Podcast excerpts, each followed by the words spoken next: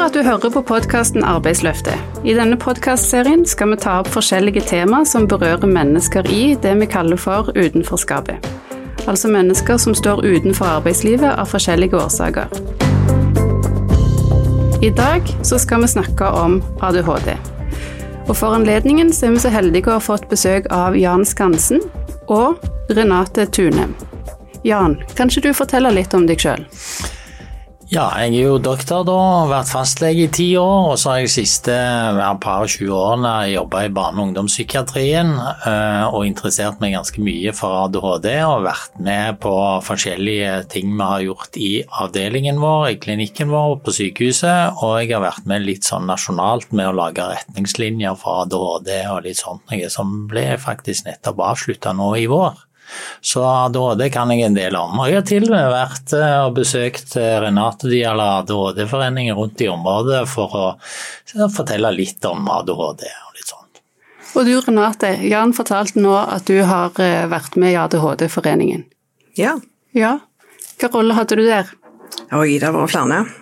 Nå har jeg ikke noe aktivt verv der akkurat nå, men jeg har vært både fylkesleder og nestleder og litt sånt i ADHD Norge og Rogaland.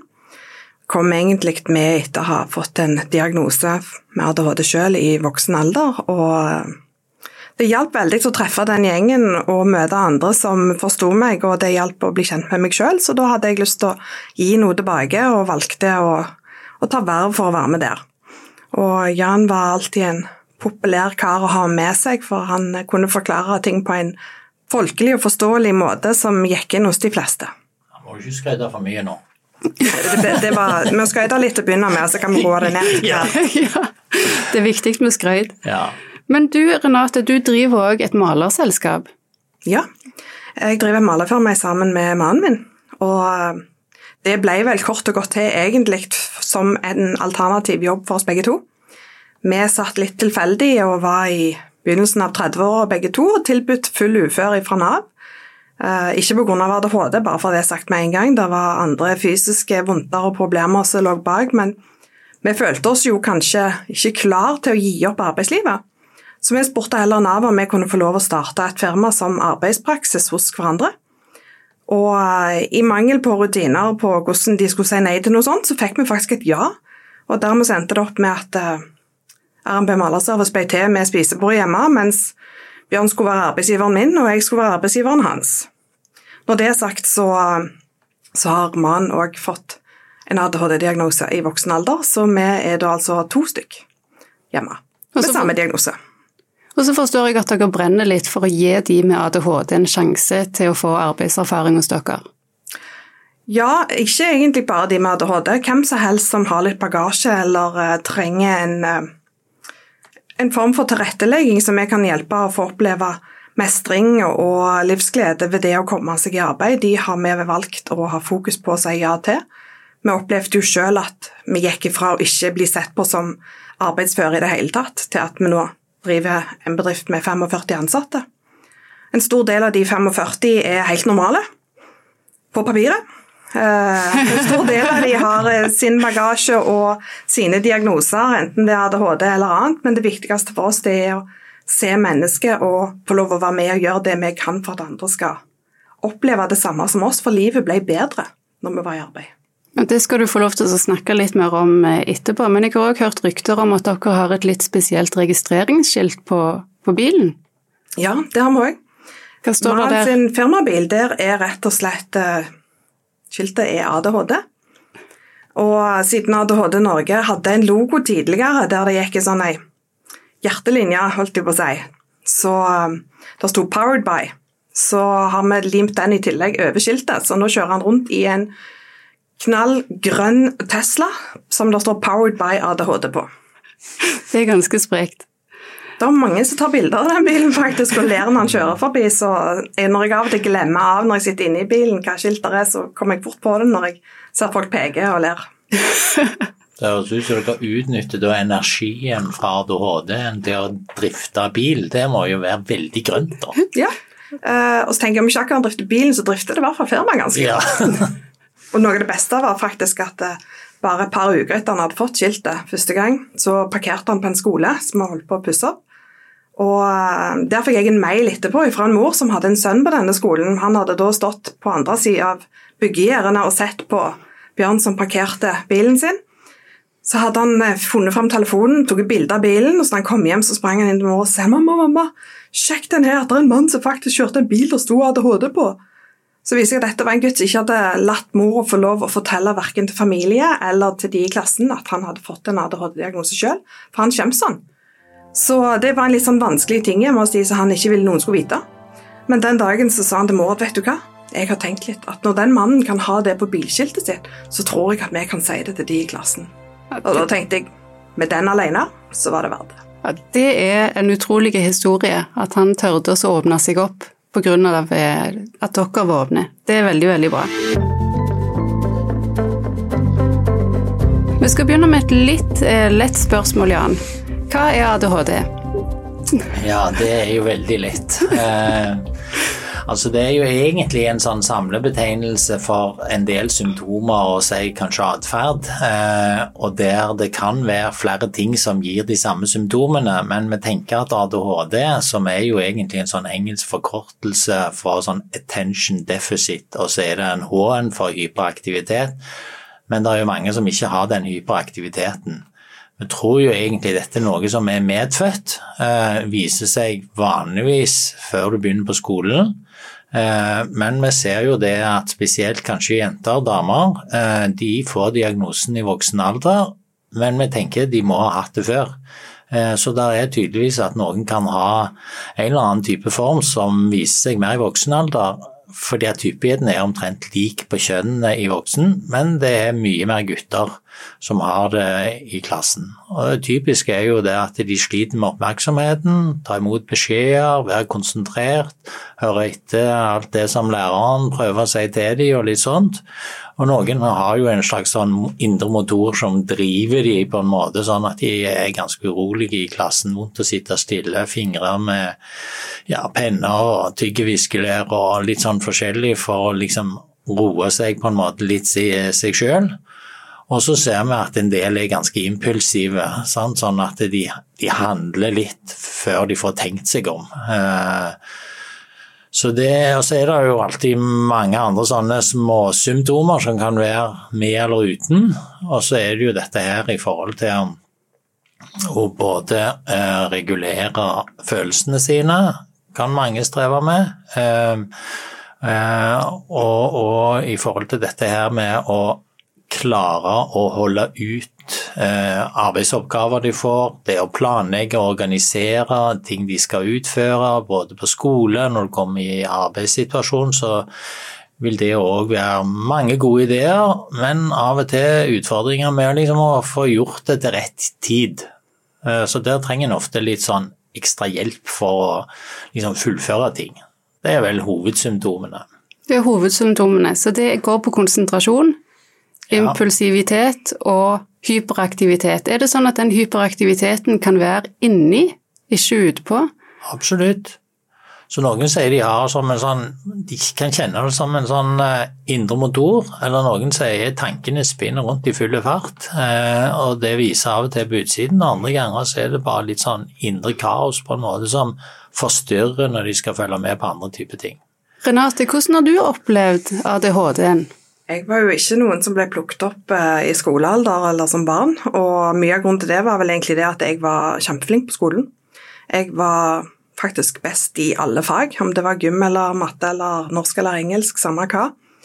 Men det ble vel òg litt at det ble viktig for meg for å føle at jeg var verdt noe, og at jeg hadde noen mål og meninger, noe jeg holdt fast i når jeg da ble litt mobba og ikke helt passet inn i, i gjengen ellers.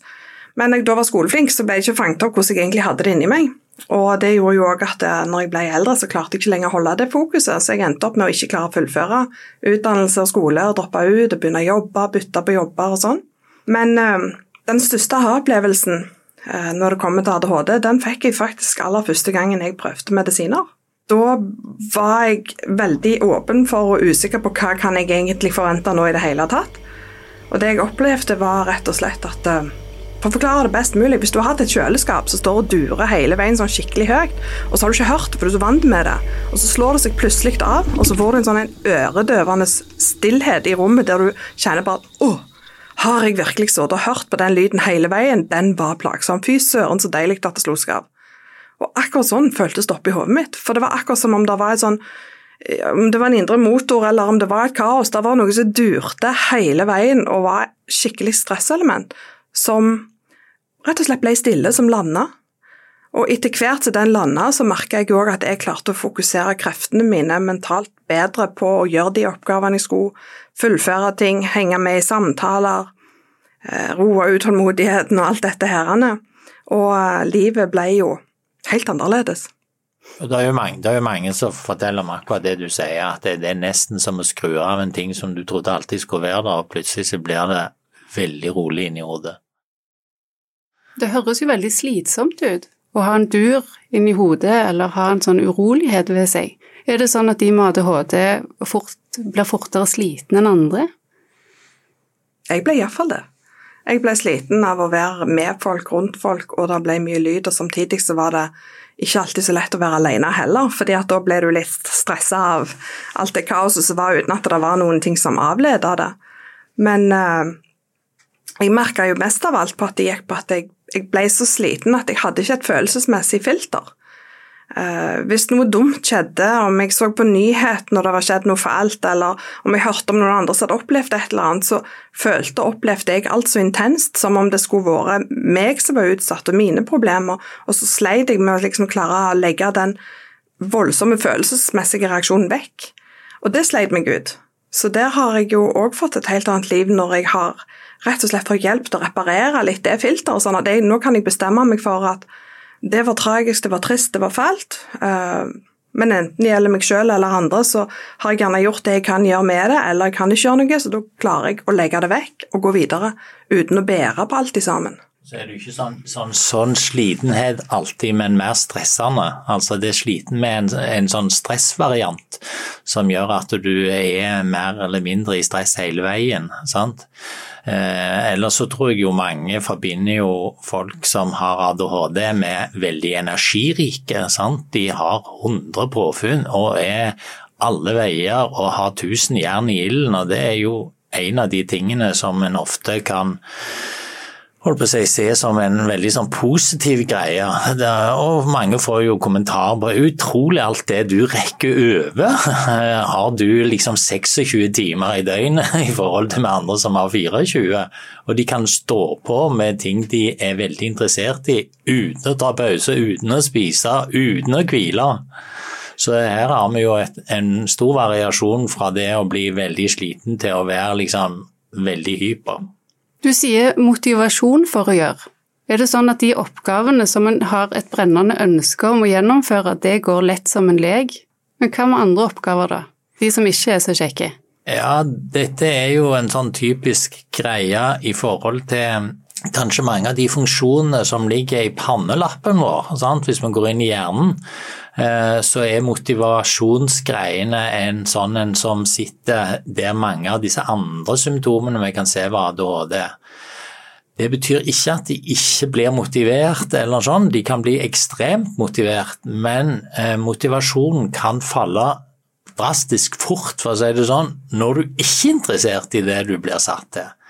Så jeg tror jo utfordringen vil ofte være, det er jo for alle, eh, det å gjøre ting som er kjedelige. Det strever jo de fleste med. Men jeg tror mange eh, som har ADHD-problemer, de vil oppleve at den der motivasjonen daler sykt fort. Og så blir det sånn Dette gidder jeg bare ikke å gjøre. Det blir for kjedelig, rett og slett. Kjenner du deg igjen, Renate? Det hørtes ut som Bjørn. Rett og slett. Eh, jeg må jo si det at Selv om vi begge to fikk samme diagnose, så har vi jo vært så forskjellige som det går an å bli i hvordan den har påvirket oss og hvordan vi er.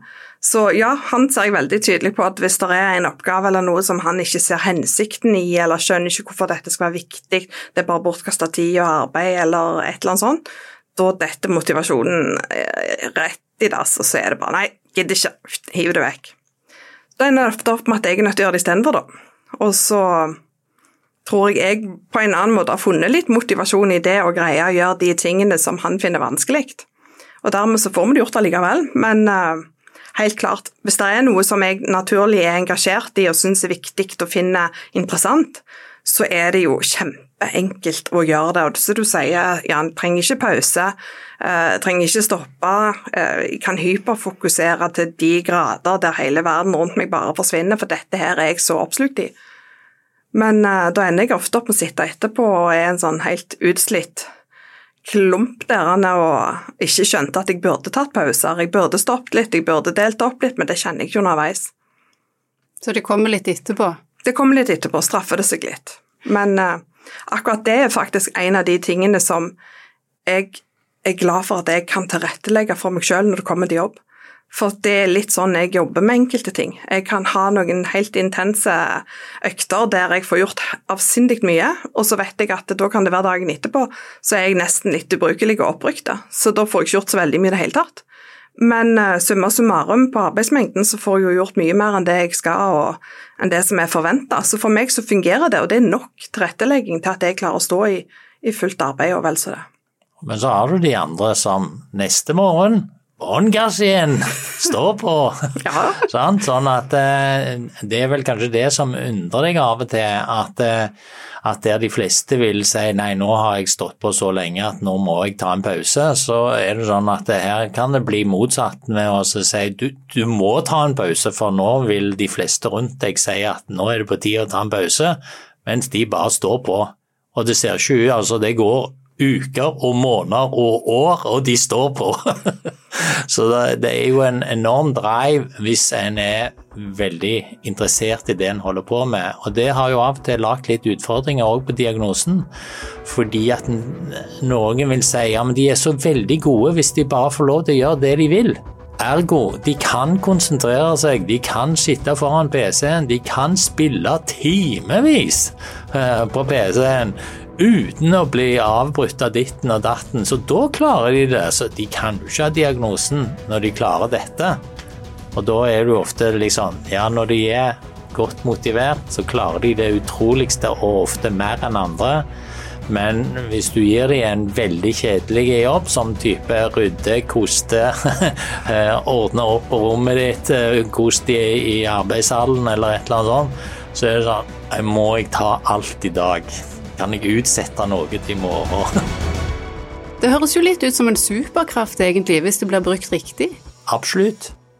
Det er jo det som er bakgrunnen for eh, det nevnte bilskiltet. Nå står 'Powered by ADHD'. Ja. Vi føler at vi har klart å snu det fra en hemsko og noe som hindrer oss i å leve det beste livet vi kunne, til å bli en, en ressurs og en fordel. Og jeg har med åra lært meg til at når jeg skal snakke med en potensiell ansatt, hvis jeg får vite at de har ADHD, så, så tenker ikke jeg lenger at hm, det er en hemsko, selv om jeg en eller annen gang i tida tenkte det sjøl. Nå tenker jeg mer at ok, Spørsmålet mitt er klarer du å bruke den ADHD-en din riktig, er du klar for det, og har du interesse nok for dette faget til at det blir en ressurs hos deg, eller er det fortsatt dit at det, det hindrer deg i å få gjort de tingene du ønsker å planlegge? Hvis de har da motivasjonen og, og interessen for faget hos oss i tillegg, så har vi jo en supermann til å male. Har du opplevd det som arbeidsgiver, at du er nødt til å eh, minne folk på å ta en pause og gå hjem? Ja. Så det er noen hos deg som er så motiverte for å få jobben gjort, og ja. kose seg sånn, at eh, du er nødt til å minne dem på at de må hvile seg litt innimellom. men det hjelper ikke å si det til dem, for det de sier er det én ting jeg ikke kan, så er det å sitte stille. Så du må ikke be meg om ikke gjøre noen ting. Det er enda verre enn å bare jobbe. Da får du spise i farta. ja, det, det går òg an. Men hadde, eh, jeg hadde en, en, eh, en læregutt som var i eh, elektrikerfaget. Og han syntes det var jo kjempemorsomt med små bygg og hus, og, og, da var han sånn som dette her, sto på fra morgen til kveld og fikk jo ordna dette her på null time. Og så tok da arbeidsgiveren og sa du, nå skal du ta den blokka her.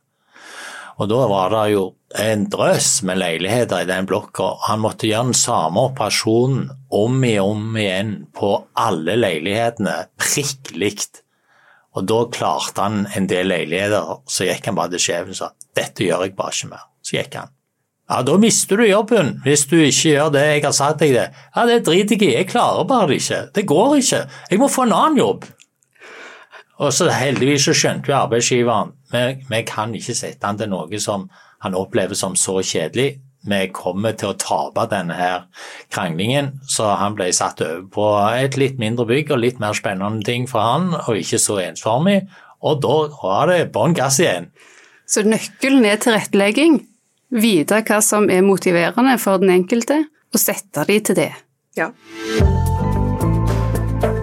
Jeg har lest litt om ADHD i forbindelse med denne podkasten. Kommunikative problemer er noe som dukker opp.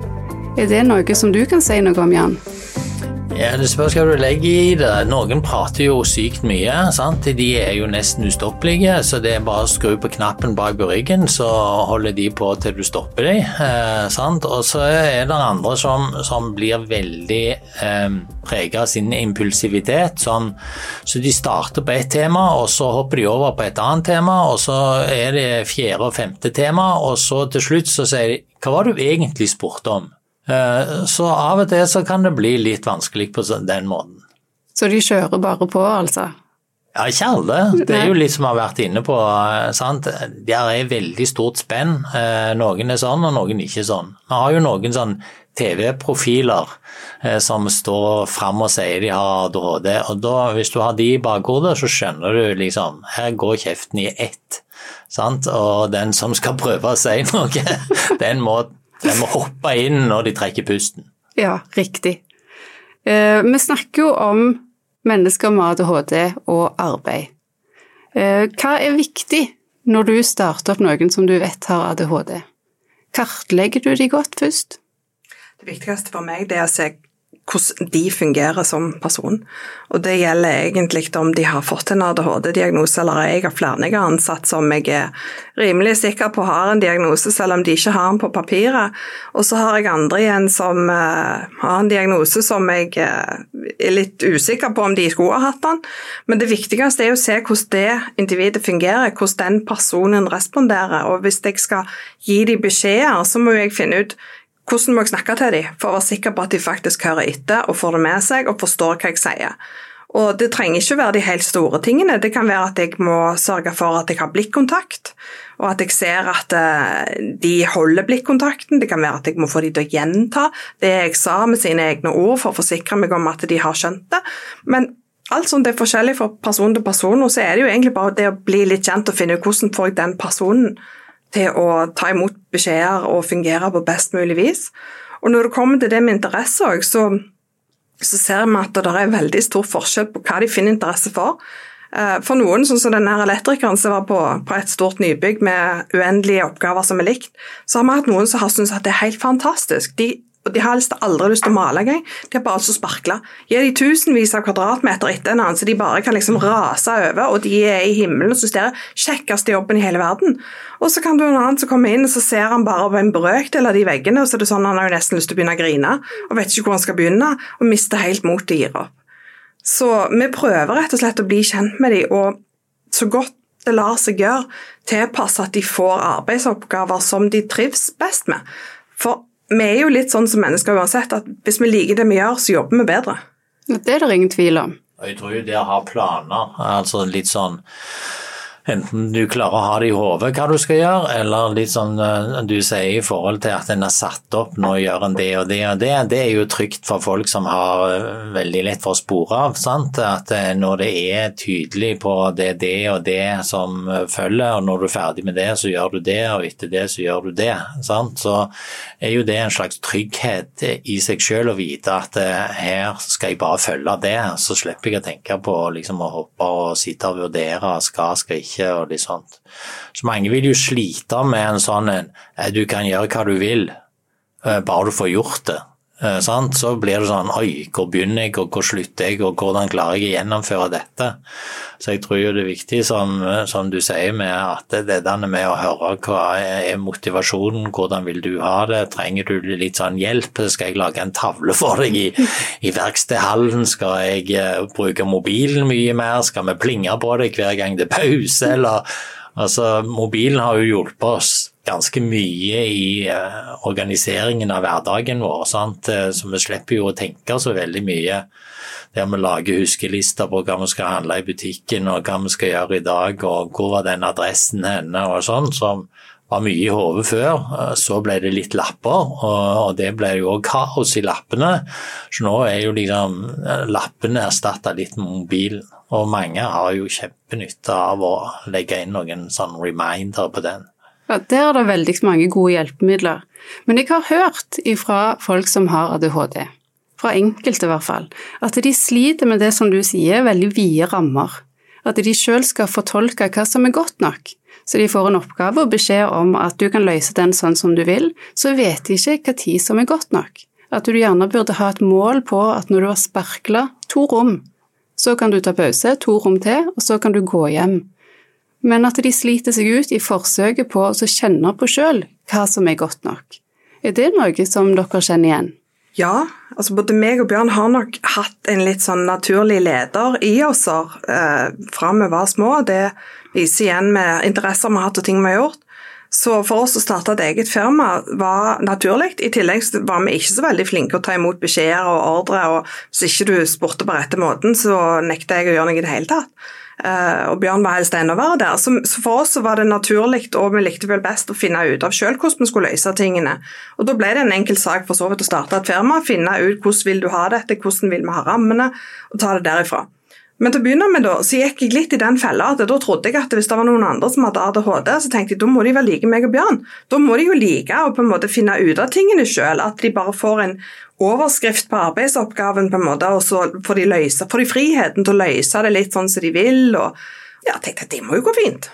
Men uh, det gikk på en smell, uh, skikkelig òg. Jeg fant ut at det var ganske mange flere enn jeg ante som faktisk ikke ønsket på noe som helst vis å ha verken lederansvar eller muligheten til å løse oppgaven helt sjøl fritt. De ville ha rammer, oversiktlige beskjeder, tydelige instrukser på hva skal du gjøre, hvor lenge skal du gjøre det, og, ja, når skal du ha pause, og, og, den slags. Og Det ble jo veldig forskjellig for sånn som jeg hadde vært sjøl, men det ble en øyenåpner på at eh, jeg må faktisk hele veien minne meg sjøl på at alle er forskjellige. Og det som er naturlig for én person å falle seg lett, det er ikke nødvendigvis likt på nestemann. Så har du møtt én med ADHD, så har du møtt én med ADHD. Akkurat. Så kan du ikke stappe de alle sammen i samme boks? Nei, jeg har prøvd litt, men det gikk ikke. Det gikk ikke? Nei, og det er jo litt fordi det er ganske sammensatte symptomer eh, sant, som gjør at eh, at du kan ha mer av det og mindre av noe annet. Sant? Sånn som, som, eh, du sier i forhold til dette her med å være leder. Vanligvis vil jo det å være leder være en utfordring for det du skal planlegge og organisere, ha oversikt, følge tidsrammer og masse sånne type ting. Og for andre igjen er dette en kjempeutfordring, og der, sånn som jeg sa, med mobilen og andre hjelpemidler, så må det til fordi at akkurat den den funksjonen der, den er ganske satt på strekk for en del. Og, og for mange av de som er barn, eh, og, og, det er jo en god del som vokser dette av seg sant? i løpet av eh, puberteten. Og når de blir voksne, så sier de jeg var litt sånn da jeg var barn, men det, det har jeg lite plager med nå. Men noe av det som henger igjen, er ofte denne her evnen til å planlegge og organisere. Eh, og ha den oversikten som jeg sier, som en leder kanskje vil ha i en bedrift og sånt. Så mange tror jeg vil være glad for å få arbeidsoppgaver mer enn å delegere og gi det til alle andre og ha hele oversikten over en, en, en bedrift. Det er veldig interessant det du sier i forhold til at noen vokser det av seg. Er det bare det at hjernen utvikler seg, og at symptomene blir mindre og mindre etter hvert, eller hva er det som skjer der? Får de flere mestringsverktøy etter de blir eldre? Ja, Det er nok en, en blanding. Sant? At noen lærer seg å håndtere dette, sånn at de opplever det ikke som et sånn større handikap når de blir voksen. Eh, mens det ser ut som det skjer òg en hjernemodning eh, som underveis i puberteten. Og spesielt dette området som jeg tror er veldig involvert i hjernen, altså den pannelappen vår, den er den som dannes og blir ferdig sist, og da er vi helt oppe i 20-årsalderen. Eh, det er litt sånn som disse her ungene som tisser på seg om natten, men har full kontroll på dagen. Så sier vi tiden hjelper. Det er sånn. Og det er så og så mange i første klasse, så er det enda mindre i andre klasse, og i tredje så er det nesten ingen, og så er det bare en sjelden gang når de begynner på ungdomsskolen. Du trenger ikke trene, det blir bare bra av seg sjøl. Eh, og sånn er det en del som, som vil òg oppleve i forhold til sin ADHD-problematikk. Men det gjelder ikke alle. Det er noen som har ganske lignende symptomer gjennom hele livet. Ja. Hvor mange gjelder det av de som får diagnosen som barn? Er det tall på det? Ja, Hvis vi skal være litt sånn grov i regningen, så sier en vel en tredjedel vil ha relativt lite problemer med dette som voksen. Eh, en tredjedel vil måtte tilpasse det, og kanskje både de selv og de omgivelsene merker at det, her settes ting litt på strek. Og så er det jo en tredjedel som som har ganske mye problemer eh, sant, og må tilrettelegge ganske mye i hverdagen sin for å, for å ha det greit. Ja, riktig. Ganske stort spenn der òg, egentlig. Absolutt, og det er vel det som gjør litt sånn en med ADHD, så kjenner du en med ADHD. Eh, de er faktisk ganske ulike, og, og fra det å ikke ha vansker med det til å ha megavansker med det, så har du alle imellom. Ja, er det noen ting som av og til følger med i ADHD-diagnosen, altså andre diagnoser som, som følger med den? Ja, Vi tror jo dette ligger ganske mye på genene. sant? Eh, så det er veldig ofte så forteller de at det er andre i familien som sliter med de samme tingene. Noen har jo fått diagnosen selv i familien, og da trenger det ikke være mor og far. Det kan være en tante, onkel, søskenbarn og sånt, men vi ser det en en større hyppighet enn ellers. Og så vet vi at eh, når du arver ADHD, så arver du òg ofte en del av de andre tingene vi ser sammen med dette, eh, som da vil kunne være autistiske trekk, eh, som kan være tvangspreg, som kan være angst, og noen får jo pga. mye av disse vanskene med regulering av følelser og sånt, så får de det de kaller atferdsproblemer og atferdsvansker senere. Og noen får disse tilstandene som vi kaller eh, Tourette, eh, tics. Eh, nå har vi jo hatt mye tics i disse dager med Grand og den slags greier. Men eh, det er sånn at når du ser tics, eh, og han forteller om hva han var plaga med da han var liten, så er det ganske mange av de med Tourette som samtidig forteller om at jeg sleit òg med konsentrasjon og oppmerksomhet, og noen sånn at de får òg diagnosen. Riktig. Så, det er en blanding av flere ting som vi tror egentlig er litt sånn beslekta eh, inn i disse genene. Og, og, hvem som får mer av det ene eller det andre, kan variere i familien òg. Er det noe som hjelper? Altså, Vi vet at medisiner hjelper, det har vi snakket litt om. At du bl.a. Eh, Renate har, har, fått veldig god effekt av medisiner. Men er det andre ting man kan gjøre hvis man har ADHD? Mosjon, kosthold, meditasjon. Er det studier på det? Det er nok en sånn salig blanding av mange ting, fordi at når du er forskjellig, så vil noen føle at det har hjulpet de mye bedre, og så foreslår du det til en annen, så sier de nei, det hjelper ikke meg noen ting. Sånn at en må nok prøve seg fram. Det har jo vært mange forsøk på det med kost, eh, men når vi spør liksom fageliten i verden, og de gjør litt kontrollerte forsøk på det, så ser det ikke ut som kost har noe særlig stor betydning. Eh, det er jo nokså sånn allment kjent at ja, unger som spiser mye sukker, de blir jo helt hyper og litt sånt. Men det er kanskje vel så mye situasjonen de er i når de spiser mye sukker, som lager mye ustruktur og styr og stell, mer enn at det er sukker i seg sjøl. Og det har vært med i forhold til gluten, det har vært i forhold til dette her med E-stoffer, som er konserveringsmidler, fargestoffer og litt sånt noe. Men så langt så har det ikke liksom endte opp med en sånn stor faglig konsensus på at det har veldig stor betydning.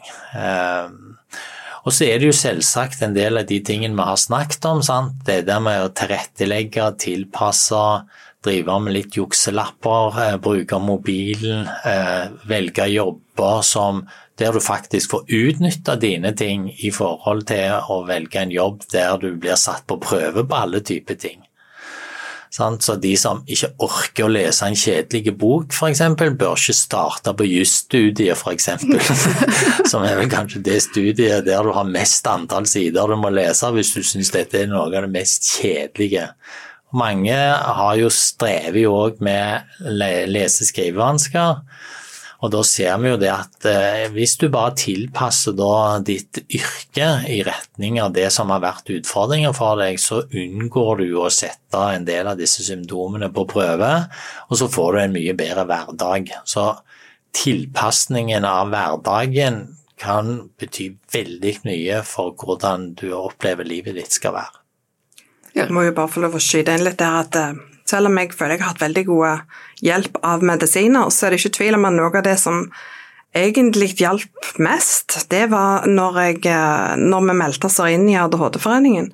Og rett og slett møtte andre, både voksne og barn, og en plass du kunne være åpen om hva utfordringer og tanker og vansker du hadde hatt.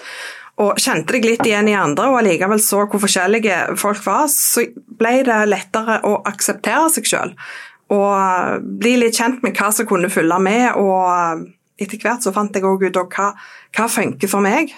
Og da vet jeg så enkelt som at Hvis jeg en periode jeg skulle være litt eh, trøtt og sliten, hvis jeg tror at jeg henter meg inn igjen med å sette meg eh, i sofaen hjemme og glo på TV eh, og tatt seriemaraton på Netflix, så vet jeg at det er det verste jeg kan gjøre. For da mistrives jeg og får ikke ut energien min og syns at livet er pyton, så da ender jeg opp med at jeg bare er sur og deppa når jeg er ferdig. Men hvis jeg heller uh, går ut og luker i hagen min, for det har jeg jo faktisk funnet en interesse for i voksen alder, så er jeg okkupert i mange timer, samtidig som jeg faktisk får den pausen jeg trengte mentalt sett. Og føler meg etterpå topp, for jeg har hatt noe å gjøre som var givende for meg. Og det å liksom finne de små tingene, og av og til spenne seg sjøl i, i ræva til å gjøre det du vet er bra for deg, selv om du kanskje hadde lyst til å gi etter for å synke ned i sofaen eller gjøre de tingene som ikke er bra for deg. Det hjalp meg å bli bedre kjent med meg selv og finne ut av de tingene når jeg var iblant andre som møtte tilsvarende utfordringer. Ble kjent med meg selv, rett og slett. Og eh, det vil jeg jo si at det eh, var vel så viktig som medisiner. Og de som sliter med med ADHD eller andre utfordringer, det er å faktisk oppsøke noen steder der du kan få litt mer informasjon og kunnskap og bli sett og anerkjent og føle at du er normale blant de såkalt unormale. Det kan gjøre mye godt. Ja, absolutt. Og jeg syns at uh, hovedbudskapet gjennom hele denne sendingen har vært at uh, folk med ADHD er folk, og det er veldig få fellesnevnere annet enn at du har litt konsentrasjonsproblemer, og du har en ekstra motor, en liten superkraft, ofte i hvert fall. Men det er òg kanskje noe som ikke er allmenngyldig. Men at hvis du er, har ADHD, så lønner det seg å bli kjent med seg sjøl, vite hva som får en til å slappe av, og hva som gjør godt for deg, sånn som alle egentlig må finne ut i løpet av et liv. Og som arbeidsgiver så er det veldig viktig å bli godt kjent med den du får inn i praksis eller i arbeid.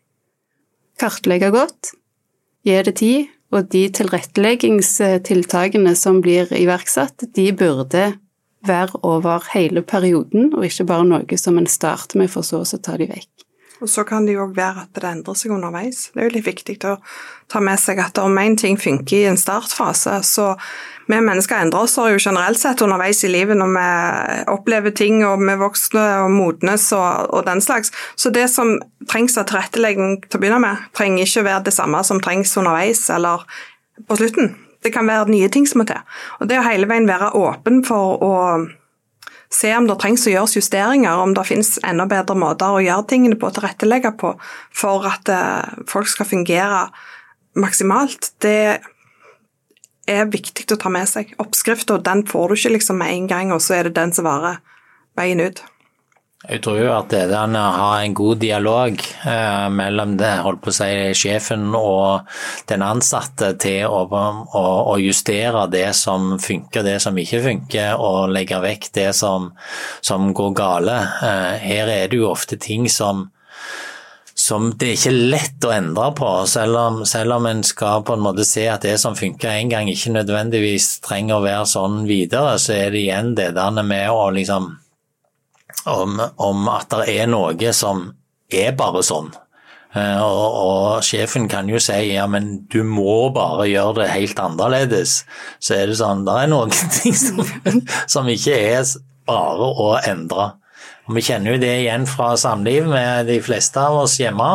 Når du skal prøve å endre på den andre du bor sammen med, hvor vanskelig det er å egentlig snu eh, noe som du har levd med kanskje i 20-30-40 år, eh, til å plutselig si nei, nå skal jeg gjøre noe helt annet.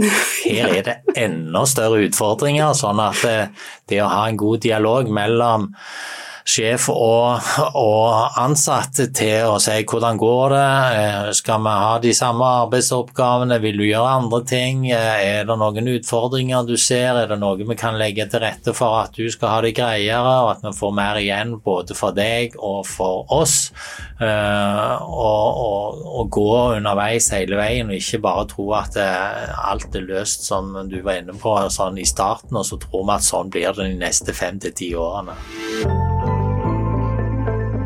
Jeg har blitt mye klokere i løpet av denne sendingen, så jeg kan mye mer nå enn når vi starta på dette. Jeg håper de som har lytta til, føler det likt. Så jeg vil benytte anledningen til å si tusen takk til Jan Skansen og Renate Tunem for at dere tok dere tid til å fortelle om egne erfaringer. Tusen takk. Takk like måte. Det var kjekt å være med. Veldig kjekt. Ha det bra.